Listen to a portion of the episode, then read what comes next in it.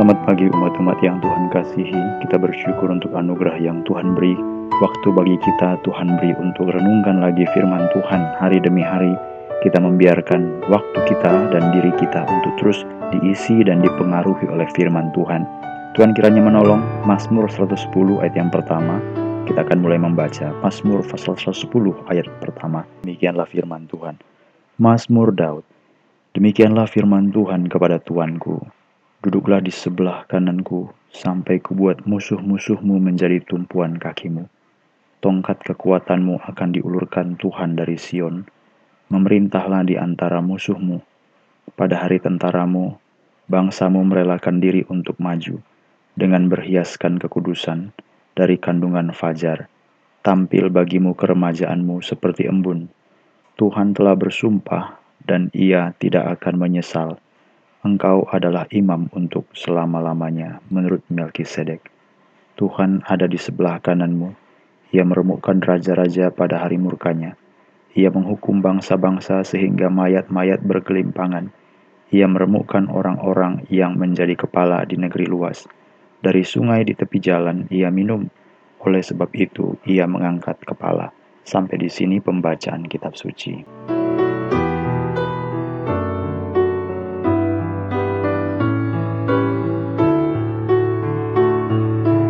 Umat-umat yang Tuhan kasihi, waktu kita membaca Mazmur pasal 110, Mazmur ini disebut sebagai Mazmur Daud. Namun, kalau dilihat isinya, hampir tidak bisa kita pastikan dan kita temukan kata-kata yang dapat berkaitan dengan Daud. Apakah pada waktu dia dikejar musuh? Musuh yang mana? Pada waktu dia lari dari Absalom? Atau pada waktu dia sedang sakit?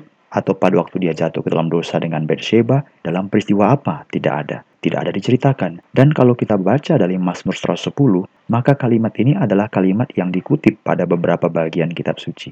Misalnya oleh Yesus sendiri, misalnya dalam kitab Ibrani. Ada begitu banyak kalimat yang menceritakan bagian ini. Duduklah di sebelah kananku sampai kubuat musuh-musuhmu menjadi tumpuan kakimu.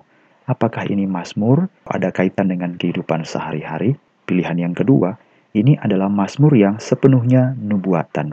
Maka ini menceritakan sesuatu yang akan datang. Mazmur ini adalah mazmur yang menceritakan tentang Mesias. Mazmur ini adalah mazmur yang menceritakan tentang Mesias. Karena memang mazmur ini dikutip beberapa kali, seperti dalam Matius pasal yang ke-22. Yesus pun mengucapkan kalimat ini. Keadaan yang tercatat di sini adalah keadaan yang bersifat luas. Kalau kita baca dalam ayat yang kelima, ayat yang keenam, musuh-musuh yang ditaklukkan, yang dikalahkan, itu semuanya sangat luas. Negeri yang luas. Kita bersyukur kepada Allah bahwa kita tahu pada akhirnya Allah Allah akan memerintah seluruh bumi. Allah, Allah kita adalah Allah yang memerintah bangsa-bangsa. Bagaimana Mazmur 110? Yang pertama, kepada siapa dan bagaimana kalimat ini diucapkan. Demikianlah firman Tuhan. Istilah Tuhan atau kata Tuhan di situ ditulis dengan seluruhnya huruf besar. T, U, H, A, N. Semua huruf besar. Tuhan. Jadi kalau dalam Alkitab Indonesia penulisan dengan huruf besar seluruhnya itu berarti Yahweh. Dalam bahasa Alkitab Perjanjian Lama, khususnya bagi orang Ibrani, mereka tidak boleh mengucapkan dengan mulutnya Yahweh seperti kita sekarang. Yahweh tidak boleh. Kemudian mereka juga tidak boleh sembarangan menulis kata Yahweh karena itu nama yang kudus. Oleh sebab itu, mereka berusaha untuk meminimalisir kesalahan agar tidak salah tulis, agar tidak salah ucap. Tetapi dalam Mazmur 110 di sini terjadi nanti benturan. Mengapa? Karena nama Yahweh itu tidak biasa mereka tulis, tidak boleh diucapkan, biasa mereka ganti dengan istilah Adonai atau Tuhan. Dalam bahasa Indonesia, kata ini dituliskan dengan T huruf besar, sisanya adalah huruf kecil, Tuhan. Dalam Mazmur 110, maka dua-dua kalimat ini seolah-olah seperti ini ya. Kalau istilah Tuhan Yahweh diganti Adonai, lalu Tuhan huruf kecil itu juga disebut Adonai, maka kalau dalam bahasa Ibrani, kalimatnya seperti ini. Demikianlah firman Adonai kepada Adonaiku Demikianlah firman Adonai kepada Adonaiku. Nah, Tentu membingungkan bukan? Nah itulah sebabnya Mazmur 110 ini menimbulkan banyak kebingungan dalam terjemahan Alkitab kita disebut istilah Tuhan. Tetapi Mazmur 136 ayat 3 contohnya, istilah Adonai itu juga disebut istilah Tuhan. Tetapi mengapa dalam terjemahan kita bukan Tuhan tapi menulis kata Tuhan, Mazmur 110 ayat 1? Mungkin motivasinya adalah untuk membantu kita agar tidak membingungkan tetapi ini adalah yang sebenarnya menjadi batu sandungan bagi ahli Taurat dan orang Farisi. Mereka tidak menerima Yesus itu sebagai Allah. Tidak menerima Yesus itu adalah Tuhan. Mereka ditanya oleh Tuhan Yesus dalam Matius pasal yang ke-22. Kalau Yesus atau anak manusia itu bukanlah Allah, bagaimana mungkin Daud berkata, Tuhan. Jadi ini merupakan suatu hal yang membingungkan. Firman Adonai kepada Adonai. Berarti ini adalah Tuhan, bukan bicara tentang manusia biasa. Siapa orang yang istimewa itu? Adonai, Tuhan, bukan manusia biasa. Dialah yang akan menerima kemenangan, kedaulatan, pemerintahan atas semua musuh-musuh. Dikatakan dalam ayat yang kedua, duduklah di sebelah kananku sampai kubuat musuh-musuhmu menjadi tumpuan kakimu. Bicara antara Tuhan dengan Tuhan. Saya harap saudara tidak bingung, itu sebabnya saya berusaha menjelaskan dengan kalimat yang sangat perlahan. Jadi Mazmur 110 adalah Mazmur yang membicarakan tentang Mesias. Kita tahu siapa Mesias, Yesus Kristus. Dia bukan manusia biasa, dia adalah Allah. Dan itulah sebabnya pada akhirnya seluruh pemerintahan dunia ini akan berada dalam tangan Allah, dalam kuasa Tuhan Yesus. Dialah yang akan berkuasa atas segala sesuatu. Bagi dialah kalimat ini, bukan bagi Daud, Matius pasal yang ke-22, Daud menyatakan kalimat ini berdasarkan pimpinan Roh Kudus. Ayat 43, kata Yesus kepada mereka, "Jika demikian, kalau dia memang anak Daud, bagaimanakah Daud oleh pimpinan Roh Kudus?" Jadi kembali lagi, itu pimpinan Roh Kudus. Dapat menyebut dia tuannya ketika ia berkata, "Tuhan telah berfirman kepada tuanku." Jadi ini merupakan kalimat yang membingungkan dan sandungan bagi orang Farisi. Mereka sarjana Alkitab, pelajar Alkitab, tapi mereka bingung siapa itu Mesias. Jadi Mesias itu adalah manusia, tetapi manusia ini bukan manusia sembarangan. Dia adalah Allah yang menjadi manusia. Dia adalah firman yang menjadi daging.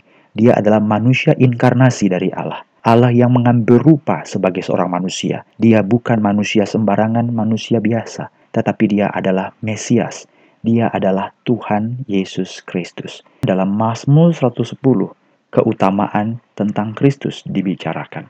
Sampai kubuat musuh-musuhmu menjadi tumpuan kakimu. Menjadi tumpuan kakimu.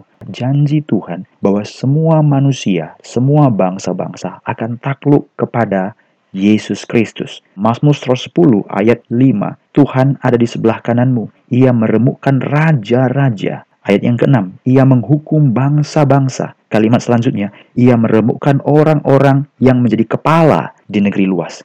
Jadi raja-raja, bangsa-bangsa, kepala di negeri yang luas, semuanya tunduk di bawah tumpuan kaki. Apa maksudnya tumpuan kaki? Dalam perjanjian lama ada enam kali penggunaan kata tumpuan kaki. Dan semua enam-enamnya itu membicarakan tentang dihancurkannya, ditaklukkannya musuh berada di tumpuan kaki bahwa Yesus adalah Tuhan, dia menjadi Allah atas segala sesuatu. Filipi pasal yang kedua, ayat yang ke-8 sampai yang ke-11. Dalam keadaan sebagai manusia, ia, Yesus, telah merendahkan diri, taat sampai mati, bahkan sampai mati di kayu salib supaya dalam nama Yesus bertekuk lutut segala yang ada di langit dan yang ada di atas bumi dan yang ada di bawah bumi dan segala lidah mengaku Yesus Kristus adalah Tuhan bagi kemuliaan Allah Bapa. Haleluya. Kita bersyukur kepada Tuhan. Mazmur 110 ayat yang kedua, tongkat kekuatanmu akan diulurkan Tuhan dari Sion. Jadi bukan di Sion, tetapi dari Sion itu berarti bahwa dari bangsa Israel, dari situlah akan ada kemenangan dan kekuasaan. Dari Sion, memerintahlah di antara musuhmu. Yang ketiga, aspek Mesias ini punya sifat yang berkaitan dengan kita. Pada hari tentaramu, bangsamu melerahkan diri untuk maju dengan berhiaskan kekudusan. Ini menarik sekali. Dengan berhiaskan kekudusan. Tentara mana di dunia ini? Pasukan mana di dunia ini? yang kudus. Waduh, tentara itu ya mungkin kasar, keras, mungkin terlibat dengan berbagai hal-hal yang sangat Spartan, susah ya menemukan tentara yang suci atau yang kudus. Ya saya tidak mengecilkan, tetapi beberapa dari tentara itu sendiri selalu mengatakan, Pak, tidak mungkin bisa tentara seperti kita ini ikut firman Tuhan.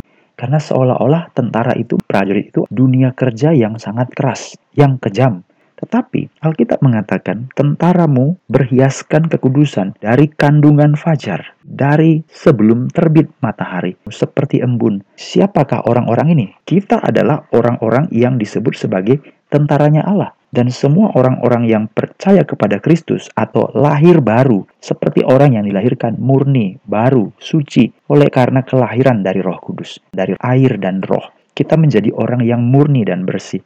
Puji Tuhan, dalam ayat yang keempat, Tuhan telah bersumpah dan ia tidak akan menyesal. Engkau, Mesias, adalah imam untuk selama-lamanya menurut Melkisedek. Tidak ada dalam tradisi orang Israel, raja merangkap imam. Raja tetapi juga adalah imam. Tentu Yesus Kristus.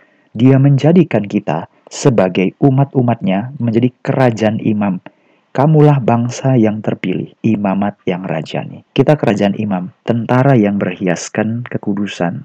Ayat yang ketujuh, dari sungai di tepi jalan ia minum. Oleh sebab itu ia mengangkat kepala. Apa maksudnya dari sungai tepi jalan ia minum? Ayat 5 dan ayat 6 menunjukkan peperangan yang sangat luas sekali, menaklukkan bangsa-bangsa, meremukkan raja-raja, kemudian mayat-mayat bangsa-bangsa yang dihukum bergelimpangan, dan kemudian meremukkan orang-orang yang menjadi kepala di negeri yang luas. Ini peperangan yang tidak mudah. Dan pada waktu peperangan ini berlangsung, tentu ada kelelahan. Itu sebabnya, saudara dikasih Tuhan, pada waktu kita menjalankan dan hidup di tengah-tengah dunia ini. Hidup menjalankan firman Tuhan. Menjalankan firman Tuhan tidak mudah. Ada begitu banyak tangis, ada begitu air mata, ada begitu banyak penderitaan, ada begitu kesulitan. Demikian juga dalam pekerjaan Tuhan. Ada begitu banyak penolakan, ada salah sangka, ada dugaan-dugaan yang membabi buta dan tidak beralasan. Ini akan dialami sebagai orang-orang yang mengerti dan menjalankan kehendak Allah. Peperangan tidak mudah, haus, tapi Alkitab berkata, di tepi jalan, di mana saja tersedia minuman dalam peperangan itu. Dalam Hakim-Hakim pasal yang ke-15, Simpson mengalahkan orang Filistin di Ramat Lehi dan seribu orang orang Filistin mati dikalahkan dengan rahang keledai. Tetapi pada akhir daripada peristiwa itu dia berkata apa? Hakim-Hakim pasal 15 ayat 16 sampai 18. Dengan rahang keledai ku pukul musuh-musuhku, tetapi dia hampir mati kehausan, tidak ada air. Mesias berbeda. Perangan Mesias berbeda. Sepanjang jalan ada sungai yang bisa diminum. Kita tidak perlu takut dalam peperangan ini, dalam perjuangan ini. Air selalu tersedia. Kristus air kehidupan. Kristus air yang memenuhi hidup kita. Sehingga di tengah-tengah peperangan kita, kita tidak akan pernah merasa haus dan kekurangan. Yohanes pasal 7 ayat yang 37. Yohanes pasal 7 ayat yang ke-37. Pada hari terakhir Yesus berseru, barang siapa haus, baiklah ia datang kepadaku dan minum. Barang siapa percaya kepadaku, seperti yang dikatakan oleh kitab suci, dari dalam hatinya akan mengalir aliran-aliran air hidup. Yang dimaksudkannya ialah roh yang akan diterima oleh mereka yang percaya kepadanya. Mazmur 10 menceritakan Mazmur Mesias dan kemesiasannya itu menjadi berkat dan berkaitan dengan kehidupan kita. Kita bersyukur kepada Tuhan. Biarlah kita berjalan dalam iman dan tidak pernah ragu karena Tuhan beserta dengan kita. Mari berdoa.